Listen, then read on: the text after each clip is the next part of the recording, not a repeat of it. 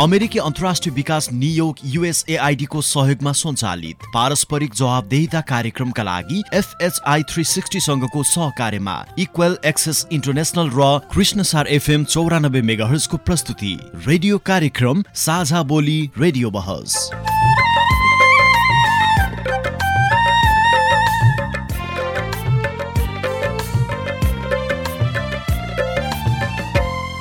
नमस्कार। साझा बोली रेडियो बहसमा तपाईँलाई स्वागत छ। म माया अधिकारी। साझा बोली रेडियो बहसमा हामी नागरिक समाज आम सञ्चार माध्यम र सार्वजनिक निकाय बीचको पारस्परिक जवाबदेता र आपसी दिगो सम्बन्धका विषयमा बहस गर्छौं।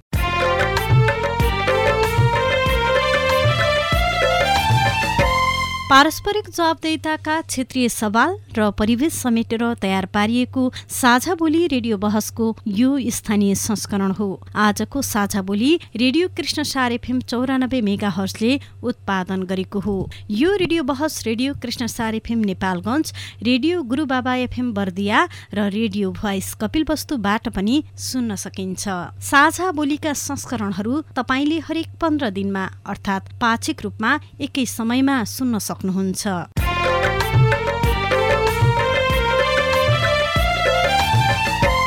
साझा बोली रेडियो बहसको यस सत्रको यो स्थानीय संस्करणको आज तीसौं भाग हो। झण्डै चार वर्ष अघिदेखि प्रसारण भइरहेको साझा बोली यस वर्ष रेडियो बहसका रूपमा उत्पादन तथा प्रसारण भइरहेको छ।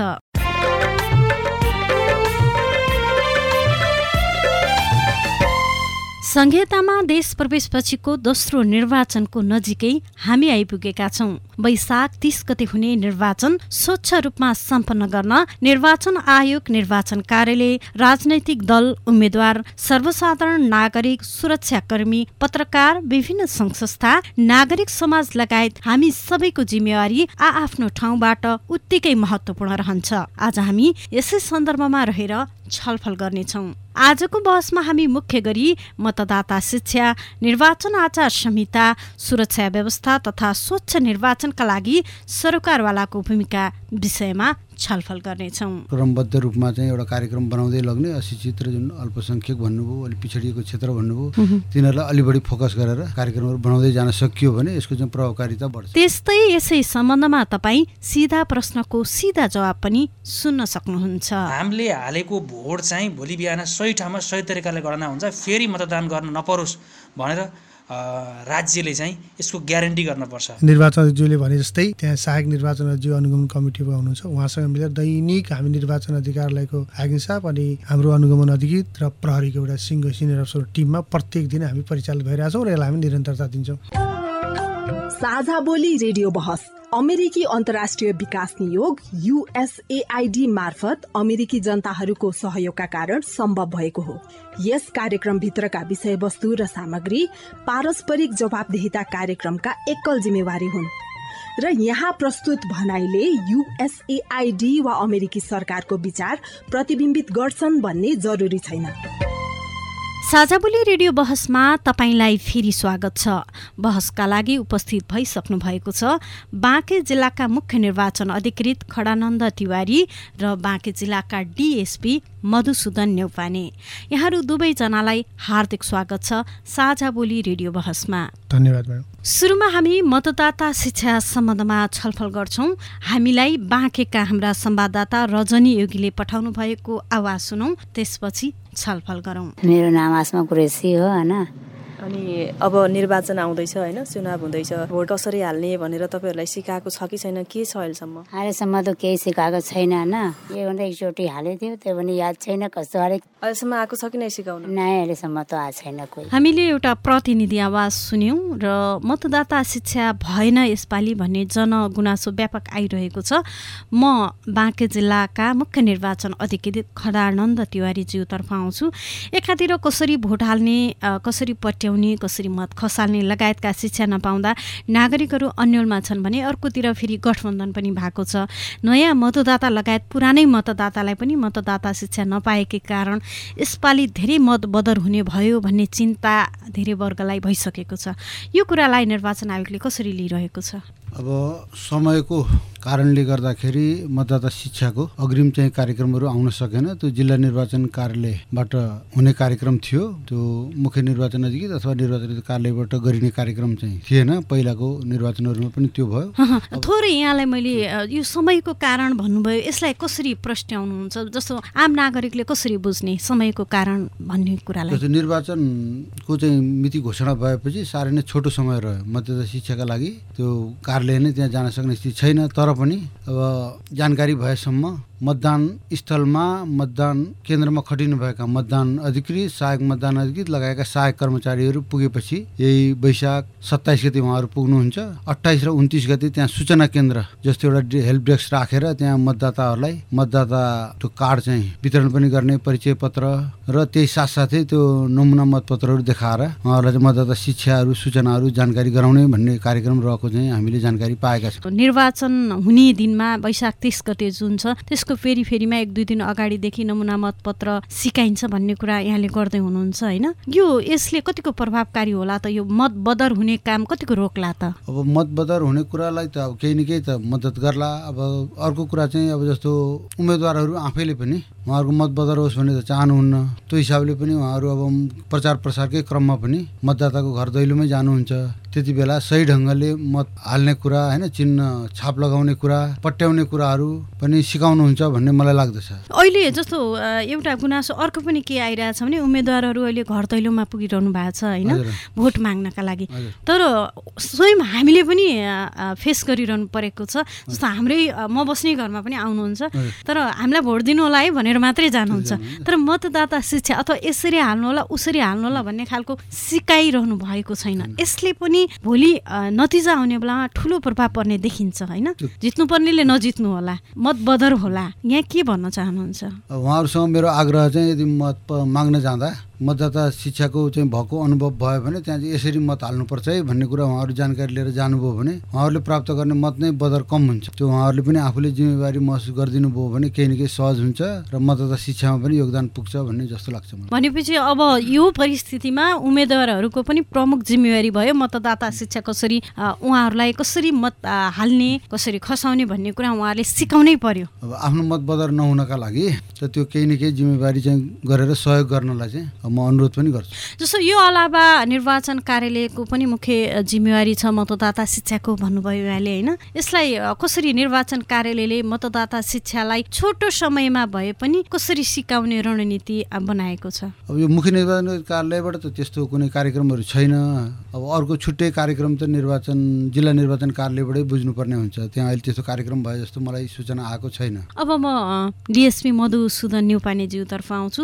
जस्तो अहिले भर्खरै मुख्य निर्वाचन अधिकृतज्यूले भनेको जस्तो अठाइस उन्तिसमा जुन नमुना मतपत्र सिकाइन्छ यसरी हाल्ने उसरी हाल्ने भनेर। त्यो सिकाउने बेलामा पनि एउटा स्वच्छ रूपमा नागरिकलाई चाहिँ स्वविवेक प्रयोग गरेर हाल्नु भन्ने खालको कुरा हुनुभन्दा पनि त्यहाँ फेरि आफूले चाहेको जसले सिकाउनुहुन्छ होइन? उहाँहरू पनि कुनै न कुनै रूपमा पार्टीसँग अब आस्था राख्ने पनि हुनुहुन्छ होला अथवा आफ्नो मान्छेहरू उहाँको पनि हुनुहुन्छ होला होइन? यो त जिल्ला निर्वाचन कार्यालयले आफ्नो निर्वाचनमा खटिने कर्मचारी मार्फत गराउने कार्यक्रम भावनाले त्यहाँ त्यस्तो हुन्छ जस्तो मलाई लाग्दैन। त्यहाँ आवश्यकता हुन्छ सुरक्षा मागेर हुन्छ। आज बिहान पनि डुडुवाको एउटा कुनै वडामा आज नमुना मतदान कार्यक्रम छ भनेर बिहान रिपोर्ट आएको थियो। उहाँहरूले चाहिँ त्यो सुरु गर्नुभयो भने हामी सुरक्षाको सन्दर्भमा हेर्छौँ। र निर्वाचनमा खटिने अब स्वतन्त्र निष्पक्ष निर्वाचनहरूलाई खटिने कर्मचारीहरूबाट त्यस्तो हुँदैन होला। जसो हुँदैन होला भनेर हामीले अपेक्षा गर्नु र सकारात्मक सोचाइ राख्नु त एकदमै राम्रो कुरा होइन। तर सुरक्षाकर्मीको भूमिका पनि त ठुलो हुन्छ नि होइन र? सुरक्षाकर्मीको भूमिका सुरक्षामै केन्द्रित हुने हो।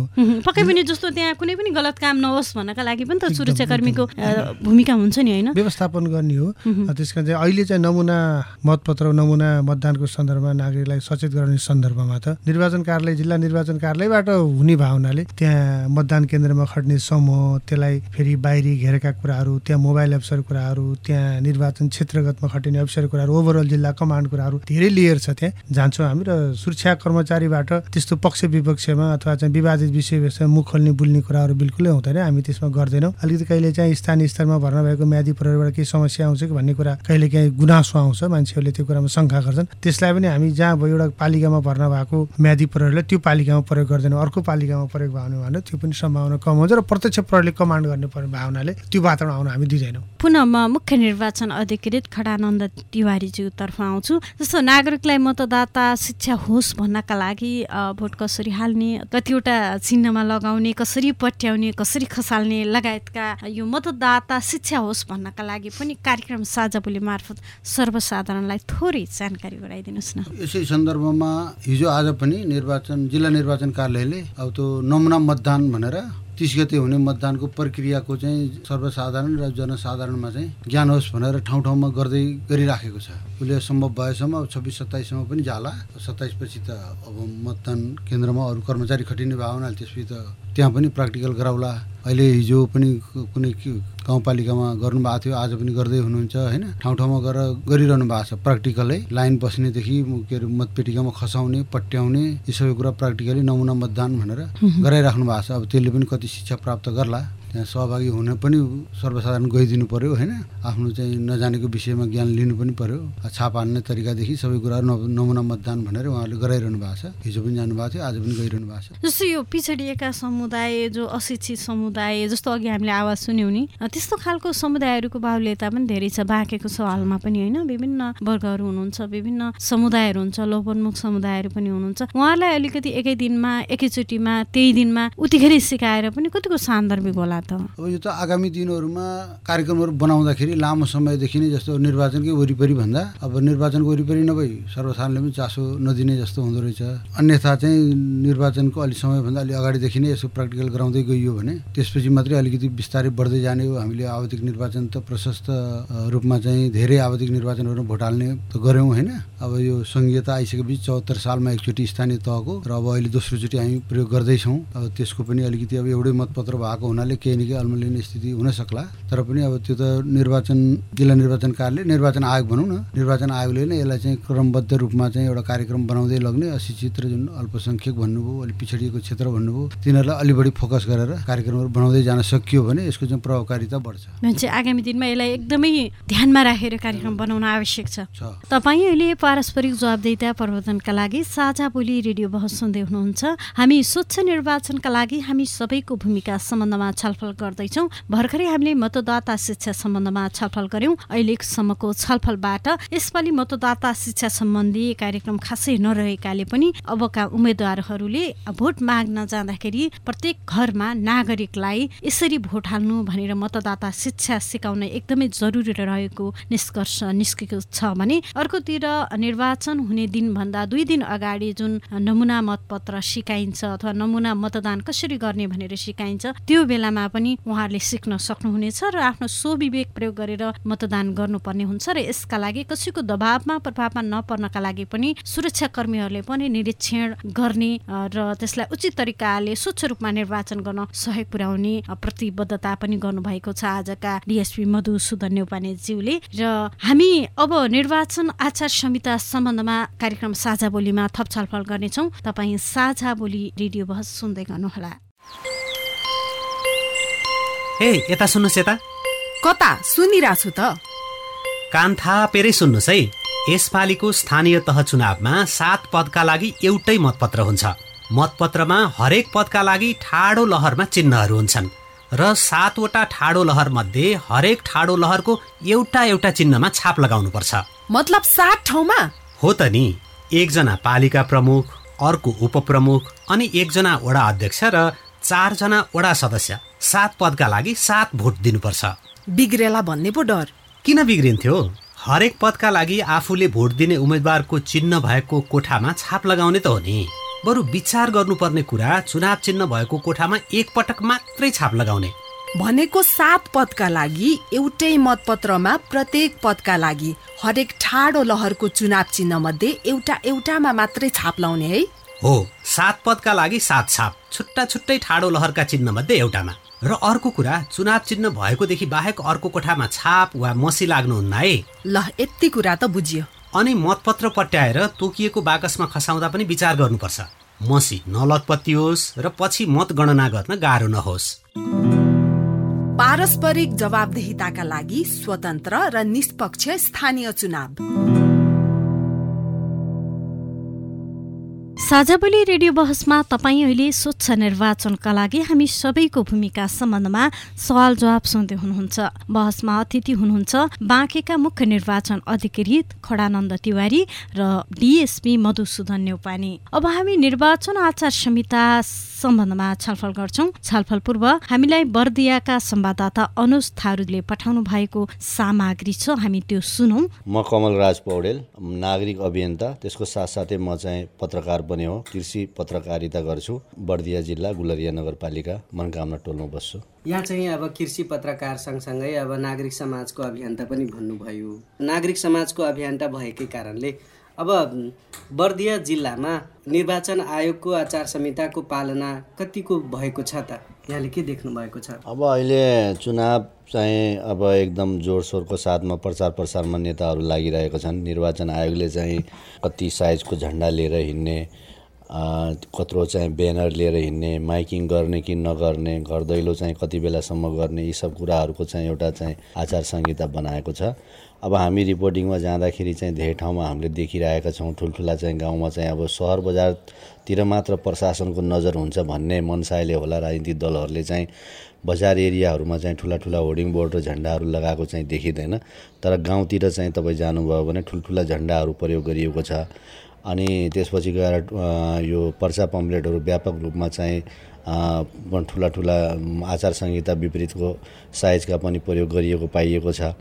बालबालिकाहरू पनि अहिले प्रचार प्रसारमा प्रयोग गरिएको पाइएछ त्यो बालबालिका फेरि कस्तो भनेपछि अब कसैको आमा लडेको छ कसैको बुवा लडेको छ कसैको आफ्नो दाई भाउजू घराइसी मान्छे लडेको छ तर बच्चा चाहिँ ऊ पनि चाहिँ प्रचार प्रसारमा चाहिँ सक्रिय भएर लागिरहेको छ। होइन त्यस्तो किसिमको पनि छ। पडोसमा अब एउटा चाहिँ आफ्नो बच्चाको साथी छ भने उसले पनि अब पडोसमा चाहिँ आफ्नो साथीहरूलाई लिएर जाने भयो त्यसरी पनि प्रयोग भइरहेको छ। होइन? अब यी सब कुराहरूले गर्दाखेरि आचार संहिता चाहिँ अब बजार एरियामा पालना गरेको देखिए तापनि ग्रामीण भेगतिर जानुभयो भने पालना गरेको चाहिँ देखिँदैन। खास गरी यो किन यस्तो भएको? गाउँघरमा किन पालना नभएको हो? अब यो सबै कुराहरूमा प्रशासन सबैको पछाडि लाग्न चाहिँ सक्दैन भ्याउँदैन। त्यति मेन पावर पनि छैन प्रशासनिक उसमा। त्यस कारणले गर्दाखेरि यसलाई चाहिँ सबैभन्दा राम्रो सब उपयुक्त भनेको राजनीतिक दलहरूले नै आचार संहितालाई पालन गरिदिने भने यो सबै समस्याको समाधान चाहिँ हुन्छ। राजनीतिक दलहरूले यो कुरा चाहिँ किन बुझ्दैनन्? अब उनीहरूलाई चुनाव जित्नसित मात्र मतलब हुन्छ। अब यो आचार संहितासित उनीहरूलाई मतलब चाहिँ हुँदैन। धेरै यो यस्ता घटनाहरू चाहिँ हुन्छन् जसले आचार संहिताहरूको चाहिँ पालना चाहिँ गरिरहेको हुँदैन। अब यो राजनीतिक दलले बाहेक अरू कसैले गर्न सक्दैन। हामी नागरिक समाजमा आबद्ध व्यक्तिहरूले हामी पत्रकारिता गर्छौँ पत्रकारहरूले सबैले त तिनीहरूले यस्तो गरे अरे भनेर भन्ने हो। हामीसित कारवाही गर्ने अधिकार चाहिँ हुँदैन। हामीले यहाँ उल्लङ्घन भयो अरे भन्ने कुरा हामीले चाहिँ अब निर्वाचन कार्यालयलाई जानकारी दिने या स्थानीय प्रशासनलाई भन्ने मात्र हो। कारवाही गर्ने उनीहरूले हो। तर अब उसले पनि कतिलाई कारवाही गरोस्? त्यस कारणले चाहिँ सबैभन्दा राम्रो भनेको स्वयं राजनीतिक दलहरूले यो कुरालाई चाहिँ मनन गर्नु पर्यो। आचार संहिता विपरीत काम गरिदिनु भएन। पालना गर्ने गराउने र उल्लङ्घन नगर्ने जिम्मा चाहिँ उनीहरूकै हो। तपाईँलाई धेरै धेरै धन्यवाद। धन्यवाद यहाँलाई पनि।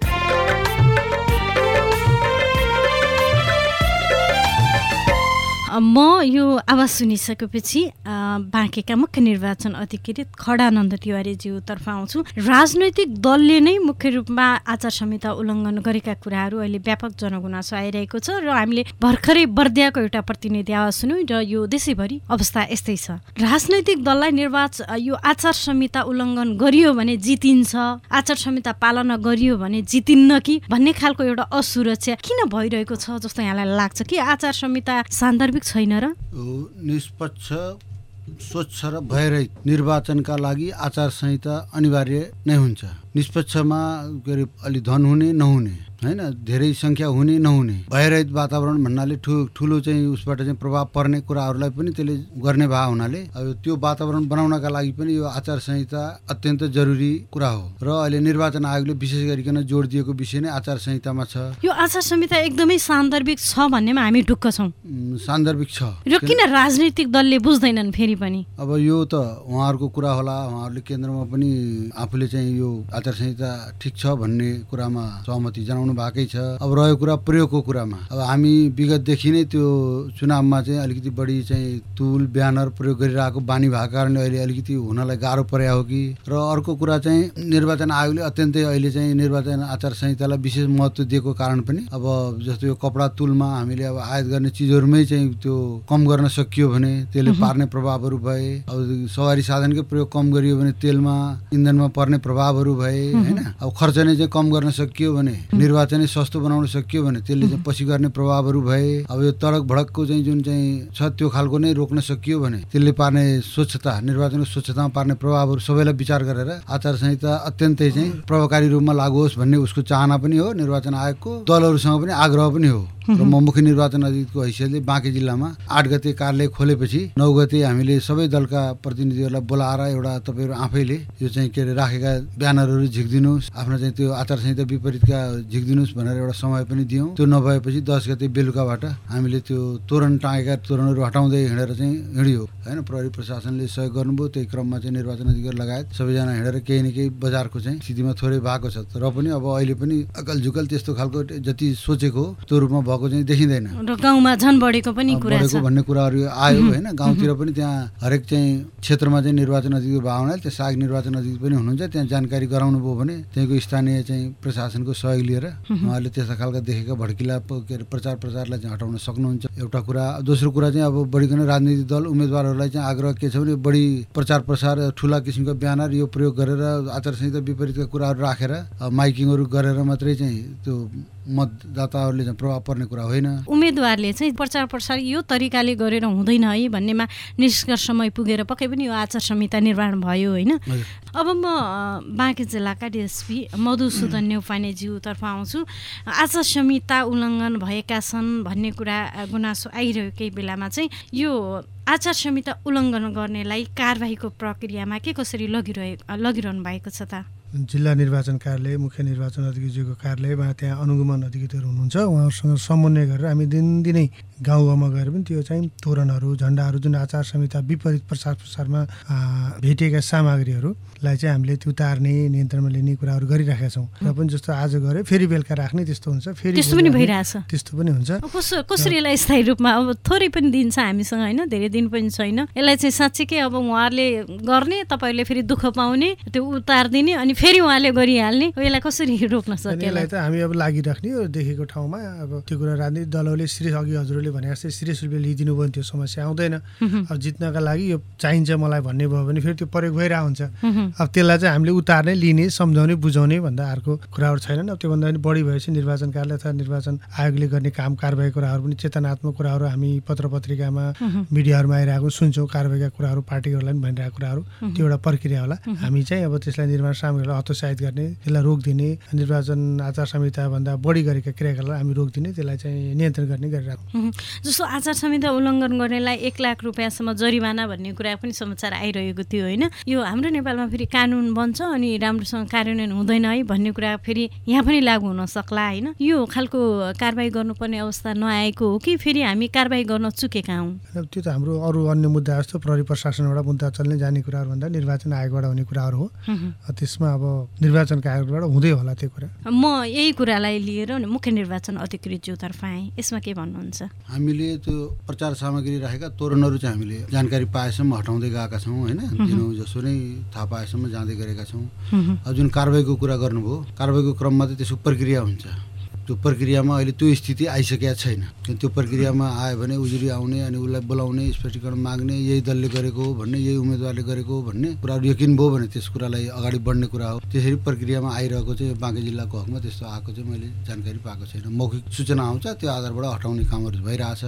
अर्को कुरा जस्तो यो दलहरूले चाहिँ एकदमै असीमित खर्च गर्ने होइन त्यो पनि पारदर्शी रूपमा नगर्ने त्यस्तो खालको एकदम निर्वाचन खर्चिलो भयो भड्किलो भयो भन्ने कुरा चाहिँ बौद्धिक वर्गले एनालाइसिस गरिरहँदै पनि फेरि यसपालि पनि हामी त्यही अवस्थामा छौँ कि निर्वाचन आयोगले कसरी हेरिरहनु भएको छ यो कुरालाई? यो अब उहाँहरूले प्रचार प्रसारको क्रममा गएर खर्चहरूको विवरण राख्नुपर्छ पछि बुझाउनुपर्छ होइन? आफ्नो सीमा तोकिएको विभिन्न पदहरूको सीमा तोकिएको छ।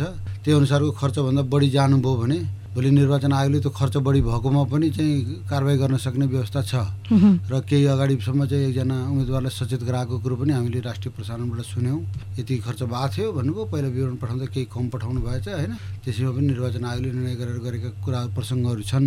त्यस कारणले आफूले गर्ने खर्चहरू आफ्नो दायरा र निर्वाचन आयोगले तोकेको सीमाभित्र राखेर गर्नुहुन सबै राजनीतिक दलहरूलाई चाहिँ म आग्रह पनि गर्दछु र अनुरोध पनि गर्दछु। जस्तो उहाँले विवरण पठाइसकेपछि मात्रै त्यो निरीक्षण अथवा के कस्तो भइरहेछ यसो हुनु हुँदैन भन्ने खालको कुराहरू अगाडि प्रक्रिया अगाडि बढ्छ कि यो बेलामा पनि यो अनावश्यक रूपमा खर्च भइरहेछ कि अब नचाहिने ठाउँमा पैसाहरू पनि बाँडिरहेको अवस्था छ कि होइन? भन्ने खालको अहिलेदेखि नै अनुगमन हुन्छ। अनुगमन त हुन्छ। अब त्यसको त जानकारी आउनु पर्यो होइन? जानकारी आएको ठाउँमा रोक्ने कुरा त गर्नै पर्छ। फेरि जानकारी कसले गराउँछ? गराउनुहुन्छ त्यो त अर्को पक्ष अब त कसले हो देखेको त्यो गर्नु पर्यो नागरिकले पनि गर्न सक्नुहुन्छ। नागरिकले पनि गर्न सक्ने भयो।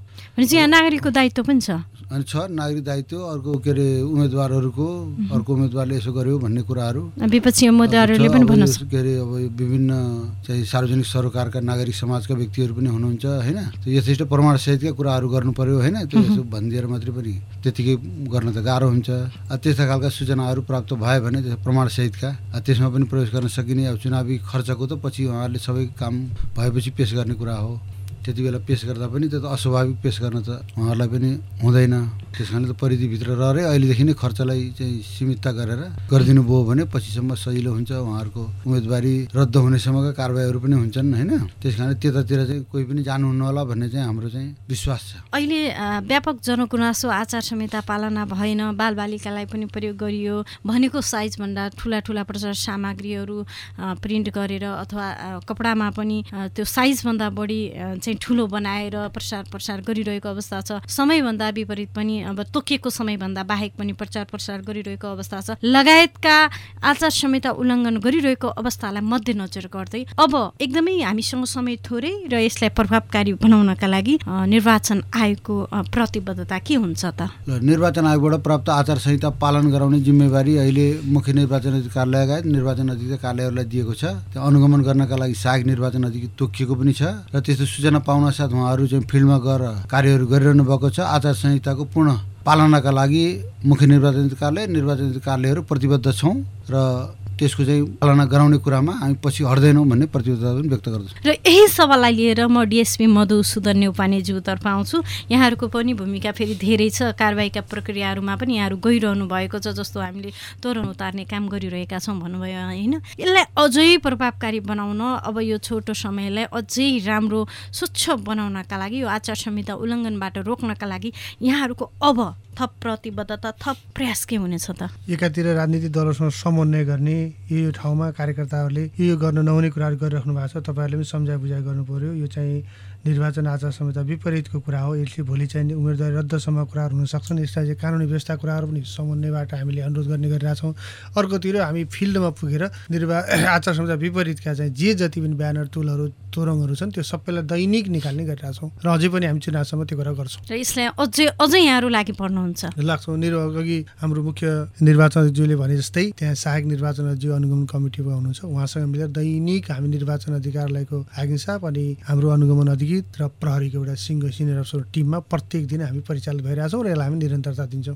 भर्खरै हामीले साझाबोली रेडियो बहसमा निर्वाचन आचार संहिता सम्बन्धमा छलफल गऱ्यौँ र यतिन्जेल हामीले गरेको छलफलबाट यसपटकको चुनावमा राजनैतिक दलबाट नै मुख्य रूपमा आचार संहिता उल्लङ्घन भइरहेको भन्ने कुरा निष्कर्षमा निस्केको छ र राजनैतिक दलले नै आचार संहिता पालना गर्नुपर्ने कुरा पनि यहाँ सुझावको रूपमा आएको छ हाम्रा अतिथिज्यूबाट र आचार संहिता उल्लङ्घन गर्न नदिनका लागि मुख्य निर्वाचन अधिकृत खडानन्द तिवारीज्यूले र आजका बाँके जिल्लाका डिएसपी मधुसूदन नेउपानेज्यूले थप अझै लागि पर्ने र थप यसलाई प्रभावकारी बनाउन अनुगमन गर्ने र कारवाहीको प्रक्रियामा लैजाने लगायतका प्रतिबद्धता गर्नुभएको छ। अझै हामी साझा बोली रेडियो बहसमा निर्वाचन र सुरक्षा व्यवस्थापन सम्बन्धमा र निर्वाचनलाई स्वच्छ रूपमा सम्पन्न गर्नका लागि हामी सबैको भूमिका सम्बन्धमा घनीभूत छलफल गर्नेछौँ। तपाईँ साझा बोली रेडियो बहस सुन्दै गर्नुहोला।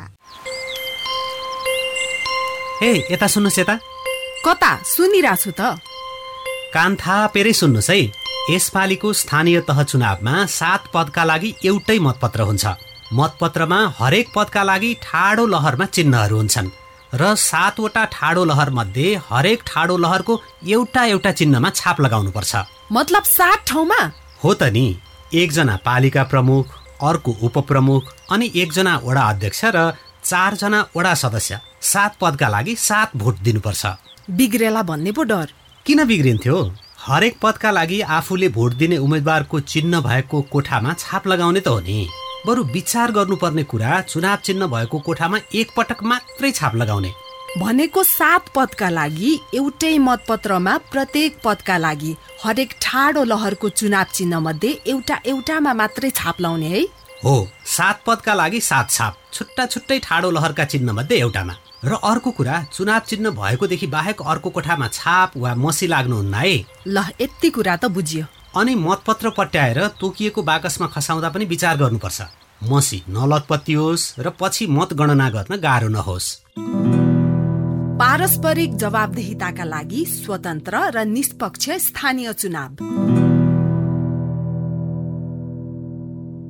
साझाबोली रेडियो बहसमा तपाईँ अहिले स्वच्छ निर्वाचनका लागि हामी सबैको भूमिका सम्बन्धमा सवाल जवाब सुन्दै हुनुहुन्छ। बहसमा अतिथि हुनुहुन्छ बाँकेका मुख्य निर्वाचन अधिकृत खडानन्द तिवारी र डिएसपी मधुसूदन नेउपाने अब हामी निर्वाचन र सुरक्षा व्यवस्थापन सम्बन्धमा र निर्वाचनलाई स्वच्छ रूपमा सम्पन्न गर्न हामी सबैको भूमिका सम्बन्धमा छलफल गर्छौं। छलफल पूर्व हामीलाई कपिल वस्तुका संवाददाता विकास थापाज्यूले पठाएका आवाजहरू सुनौ। मेरो नाम चाहिँ नारायण पाण्डे सिद्धिपुर विद्युत अफिस। विशेष गरी सुरक्षा अवस्था एकदम कडा। यस अर्थमा कि हामीले हालेको भोट चाहिँ भोलि बिहान सही ठाउँमा सही तरिकाले गणना हुन्छ फेरि मतदान गर्न नपरोस् भनेर राज्यले चाहिँ यसको ग्यारेन्टी गर्नुपर्छ। तलमाथि भयो भने राज्य नै जवाबदेही हुनुपर्छ भन्ने मेरो विचार छ। सुरक्षा निकायले दुई घेरा तिन घेरा कति घेरा बनाएर हुन्छ एउटा चाहिँ दायरा बनाएर परिधि बनाएर त्यसभित्र मतपत्र च्यातियो भने तलमाथि भयो भने यसको ग्यारेन्टी हामीले गर्छौँ भनेर जुन जुनसुकै निकाय होस् जसले सुरक्षाको जिम्मा लिन्छ यो चाहिँ पूर्ण रूपमा जिम्मा लिनुपर्छ। होइन भने पर देशमा कानुन छैन नियम छैन भन्दा फरक न केही समय तालिम दिएर राखेका हुन् त्यति पोख्त हुँदैनन्। उनीहरू पनि केही राजनीति दलसँग आस्था राखेका हुन्छन्। उनीहरूलाई चाहिँ फ्रन्ट लाइनमा चाहिँ सकेसम्म नराख्दा राम्रो किनकि म त्यहाँ खटिरहेको हुन्छु तैँले चाहिँ यसरी गर मैले यताबाट मिलाउँछु भन्ने कुराहरू पनि त्यहाँ अलिकति घुसपेटका कुरा पनि हुन सक्छन्। त हुनाले अलिकति नजाने तरिकाले फरक ठाउँको व्यक्तिलाई सुरक्षामा राखियो र सबै तालिम दियो भने त्यो पनि राम्रो होला। अन्यथा म्यादी प्रहरी भने फ्रन्ट लाइनमा काम गर्न दिने भित्र म म्यादी छु म मैले सबै मिलाउँछु तैँले यताबाट मिला यो टेक्निक यसरी मिला भन्दा त्यही म्यादी प्रहरीले नै भोलि बिहान चाहिँ सुरक्षा अवस्थामा चुनौती दिने विषय पनि हुन सक्छन्। म्यादी प्रहरीलाई चाहिँ फरक ठाउँमा खटाउने र जस्तो आफ्नो त्यो कुन ठाउँको व्यक्ति हो त्यसको यकिन गरेर चिनेर मात्र फरक फरक लोकेसनमा खटाइयो भने र अलिकति चिन्जान नभएको ठाउँमा खटाइयो भने राम्रो होला। तर मतपत्र भएको ठाउँमा जसले चाहिँ जिम्मा लिएको हो जो राज्यको अलिकति नुन पानी खाएको छ सरकारी जागिर खाएको छ उसलाई अलिकति जिम्मेवार व्यक्तिलाई र लामो समय अनुभवी व्यक्तिलाई दियो भने राम्रो हुन्छ। नमस्कार म इन्दिरा भट्टराई बारङ्गा नगरपालिका वडा नम्बर चार छापुरापुर मेरो घर सुरक्षा हुन अति आवश्यक छ। अब सुरक्षा भएन भने मतदाताहरूलाई मतदानसम्म पुर्याउन समेत हामीलाई गाह्रो पर्छ। अब अलिकति बम पड्किने कसैमा हत्या हिंसा हुने भयो भने मतदाताहरू डराउँछन्। उनीहरू मतदान केन्द्रमा भोट हाल्न समेत जान नसक्ने अवस्था हुन्छ। त्यसकारण हाम्रो मतदाताहरूलाई घरबाट लिएर मतदाता सम्म मतदान केन्द्रसम्म पुग्नको लागि पनि बाटो बाटोमा सुरक्षाको व्यवस्था हुनु जरुरी छ। उनीहरूलाई डर तर धम्की दिएर पनि मेरो पार्टीमा भोट हाल भनेर भन्ने भनेका पनि हाम्रा इतिहासहरू छन्। अब भन्न पनि सक्छन्। त्यसो हुँदाखेरि मतदातालाई ढुक्कसँग मतदान दिनको लागि हाम्रो पहिलो प्राथमिकता भनेको सुरक्षा व्यवस्था नै हो जस्तो मलाई लाग्छ।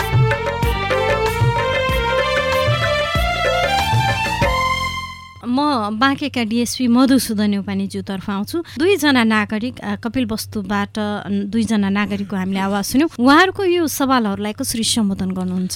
निर्वाचनमा सुरक्षा भन्ने कुरा एकदम आधारभूत कुरा हो। उहाँहरूले भनेको कुराहरू एकदमै जायज कुरा हो मननयोग्य कुरा छ। यही भएर सुरक्षाको सन्दर्भमा हामीले निर्वाचनलाई तिनवटा भागमा विभाजन गर्छौँ एउटा प्रि इलेक्सन इलेक्सन र पोस्ट इलेक्सन पहिलो कुरा निर्वाचन हुनु दिनुभन्दा अगाडि कुराहरू शान्ति कुराहरू उम्मेदवारहरूले स्वतन्त्र आफ्नो प्रचार प्रसार गर्न पाउने आचार संहिताभित्र भित्र रहेर आफ्ना नागरिक आफ्ना मतदाताहरू आह्वान गर्ने कुराहरू मतदाताले ढुक्क भएर मतदान गर्न सक्ने वातावरण कुराहरू प्रचार प्रसार कुरा यो कुरामा हामीले अहिलेदेखि नै यो पिरियडमा हामीले त्यो सुरक्षा प्रदान गरिरहेछौँ उहाँहरूलाई प्रचार प्रसार उहाँहरूको राजनीतिक कार्यक्रम आमसभाका लगायत कुराहरूमा प्रशासनसँग अनुमति लिएर गरेका कार्यक्रमहरूमा सुरक्षा दिने दोहोरो झडप नहोस् फरक फरक विचार राख्ने फरक फरक राजनीतिक दलहरू गरेका कार्यक्रमहरू एक आपसमा मुठभेड नहोस् तोकेको समयभन्दा पछाडि चाहिँ प्रचार प्रसार गरेर पनि रातिको समयमा मदिरा सेवन गरेर झैझगडा यस्ता कुराहरूमा हामीले प्लान बनाएर प्रहरी परिचालन गरेर अहिले सुरक्षा दिने गरेका छौँ। त्यसै त्यसरी होला अहिलेसम्म बाँकीमा त्यस्तो अप्रिय घटनाहरू केही घटेका छैनन्। सायद नघट्लान् पनि। अहिले हामी पिरी स्टेजमै छौँ। हो चुनावभन्दा अगाडिको स्टेज शान्ति सुरक्षाको कुराहरू। अहिले स्वतन्त्रपूर्वक प्रसार प्रसार गर्ने आचार संहिताभित्र रहेर गर्न पाउने सबै कुराहरू राजनीतिक दलहरूले गर्न पाउनु पर्यो उम्मेदवारले गर्न पाउनु पर्यो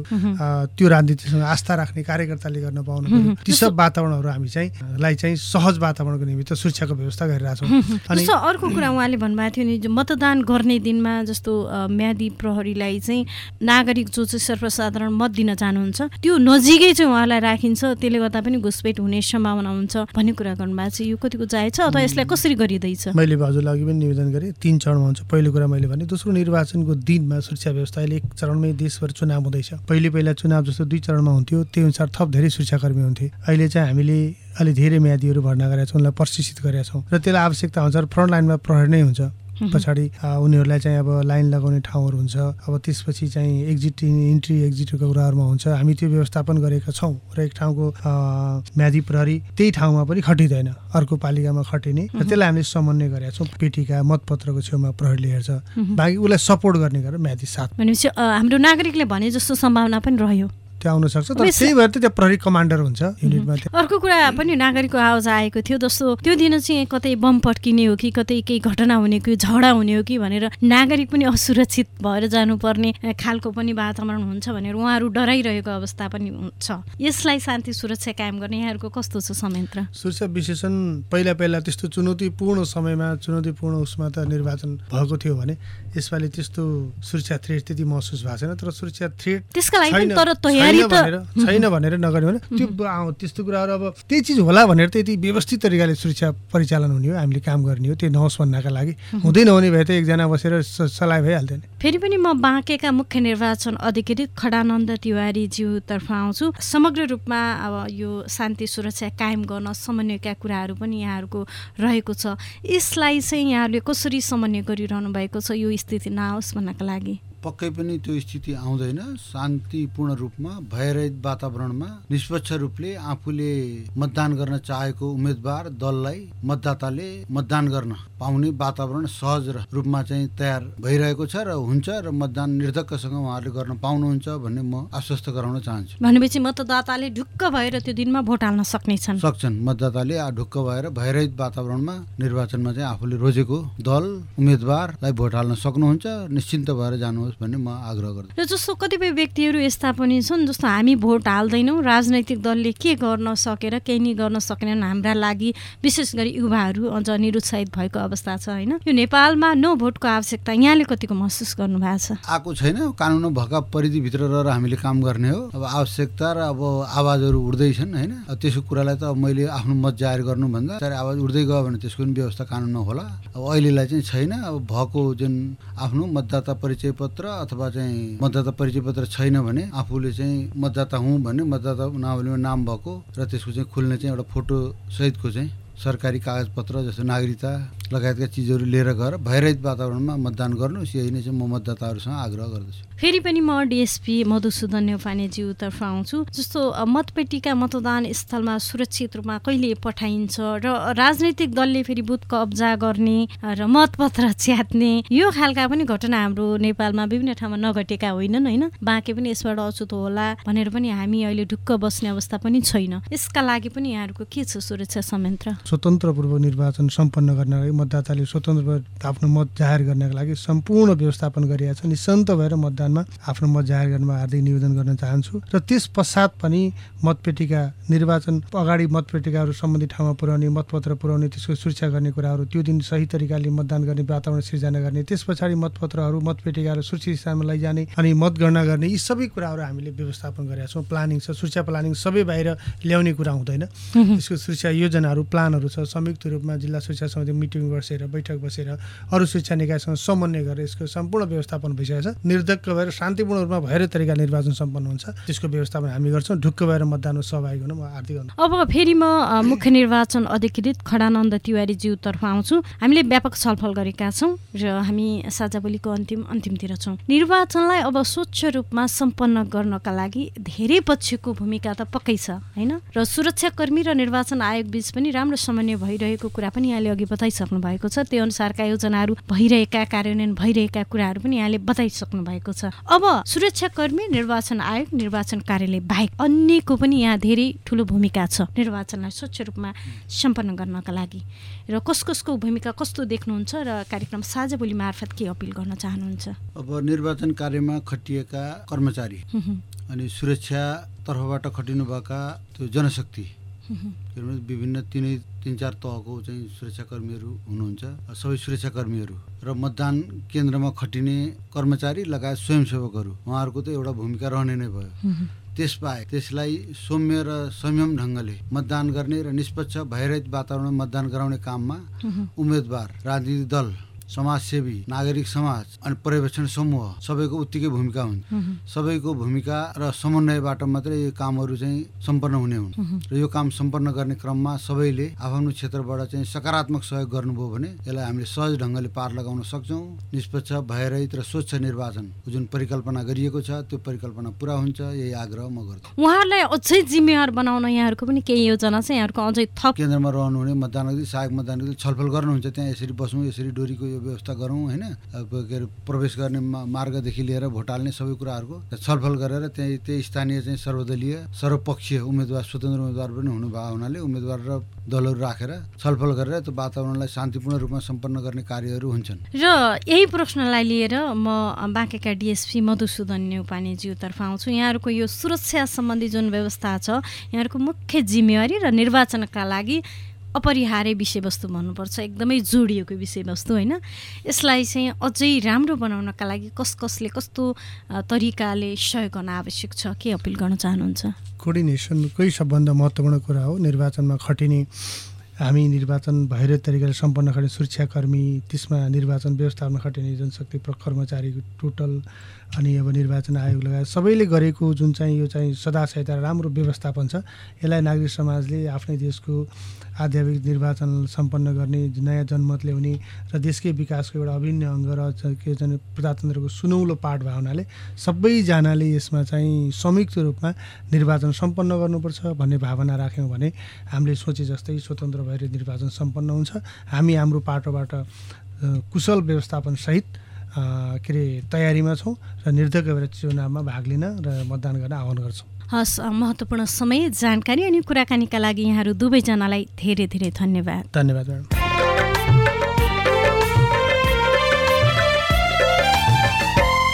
हामी साझा बोली रेडियो बहसको अन्त्यमा आइपुगेका छौँ। पारस्परिक जवाबदेताबारे आफूले देखे सुने या भोगेका कुनै पनि कुरा लेख मार्फत व्यक्त गर्न चाहनुहुन्छ वा अरूका लेखहरू पढ्न चाहनुहुन्छ भने W W W dot Mero report dot net W W W dot M E R O R E P O R T dot net पनि लगइन गर्न सक्नुहुन्छ। साझा बोली रेडियो बहस तपाईँले मेरो रिपोर्ट वेबसाइट पोडकास्ट च्यानल र सामाजिक सञ्जालहरूमा पनि सुन्न सक्नुहुन्छ। यतिन्जेल ध्यान दिएर कार्यक्रम सुन्नुभएकोमा तपाईँलाई धेरै धेरै धन्यवाद। आगामी हप्ता पनि आजको जस्तै समयमा सार्वजनिक जवाबदेताको अर्को विषयमा खरो छलफल लिएर आउनेछौँ सुन्न नबिर्सनुहोला। आजको कार्यक्रमबाट माया अधिकारी विदा भए नमस्कार।